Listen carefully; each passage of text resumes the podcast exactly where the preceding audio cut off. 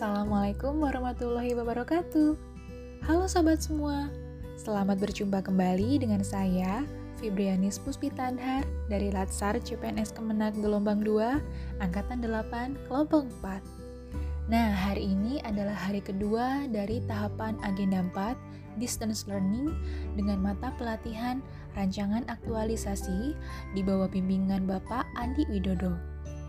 Pada hari ini, saya sepenuhnya memperoleh pembelajaran asinkronus. Pembelajaran asinkronus saya berupa penugasan individu untuk membuat susunan rancangan aktualisasi bagian bab 1, pendahuluan, dan learning journal yang tengah sobat simak saat ini. Sebagaimana yang telah disampaikan oleh Bapak Andi pada pembelajaran sinkronus di awal agenda 4, bahwa selama satu minggu ini kami akan fokus untuk menyusun rancangan aktualisasi. Setiap hari, kami akan ditugaskan untuk mengerjakan bagian per bagian dari rancangan aktualisasi, sehingga target kami di akhir minggu adalah berhasil menyusun sebuah rancangan aktualisasi yang utuh.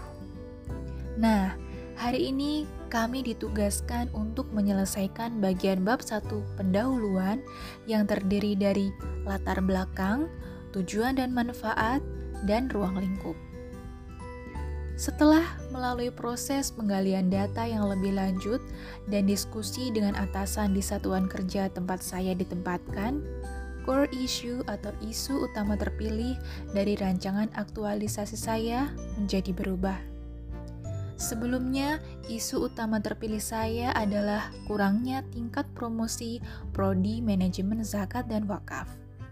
Tetapi kemudian menjadi belum adanya analisis SWOT prodi manajemen zakat dan wakaf untuk tahun 2021.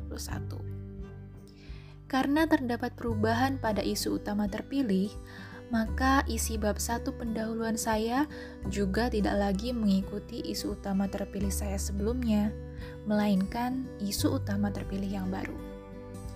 Saya sendiri sebenarnya belum familiar atau memiliki pengalaman dalam menyusun analisis SWOT untuk suatu program studi. Oleh karena itu, saya berusaha menggali informasi dari internet tentang bagaimana melakukan analisis SWOT pada sebuah program studi di perguruan tinggi, baik dalam bentuk video maupun artikel ilmiah. Selain itu, saya juga berdiskusi dengan atasan dan senior di lingkungan satuan kerja saya agar dapat diberikan arahan dan masukan yang lebih real berdasarkan pengalaman langsung yang telah dimiliki oleh beliau-beliau. Adanya perubahan pada isu utama terpilih memang sedikit repot, sebab saya perlu mengulang dari awal untuk menyusun kembali rangkaian analisisnya. Akan tetapi, saya juga merasa lega bahwa apa yang akan saya lakukan pada aktualisasi saya nantinya memang betul-betul merupakan sesuatu yang dapat bermanfaat bagi satuan kerja saya. Meskipun mungkin tidak besar karena adanya batasan waktu yang diberikan. Saya merasa agenda 4 ini sangat menantang karena saya dituntut untuk belajar cepat dalam menyerap materi-materi yang sudah saya peroleh di ketiga agenda sebelumnya untuk kemudian diaplikasikan dalam sebuah kegiatan nyata yang berdampak.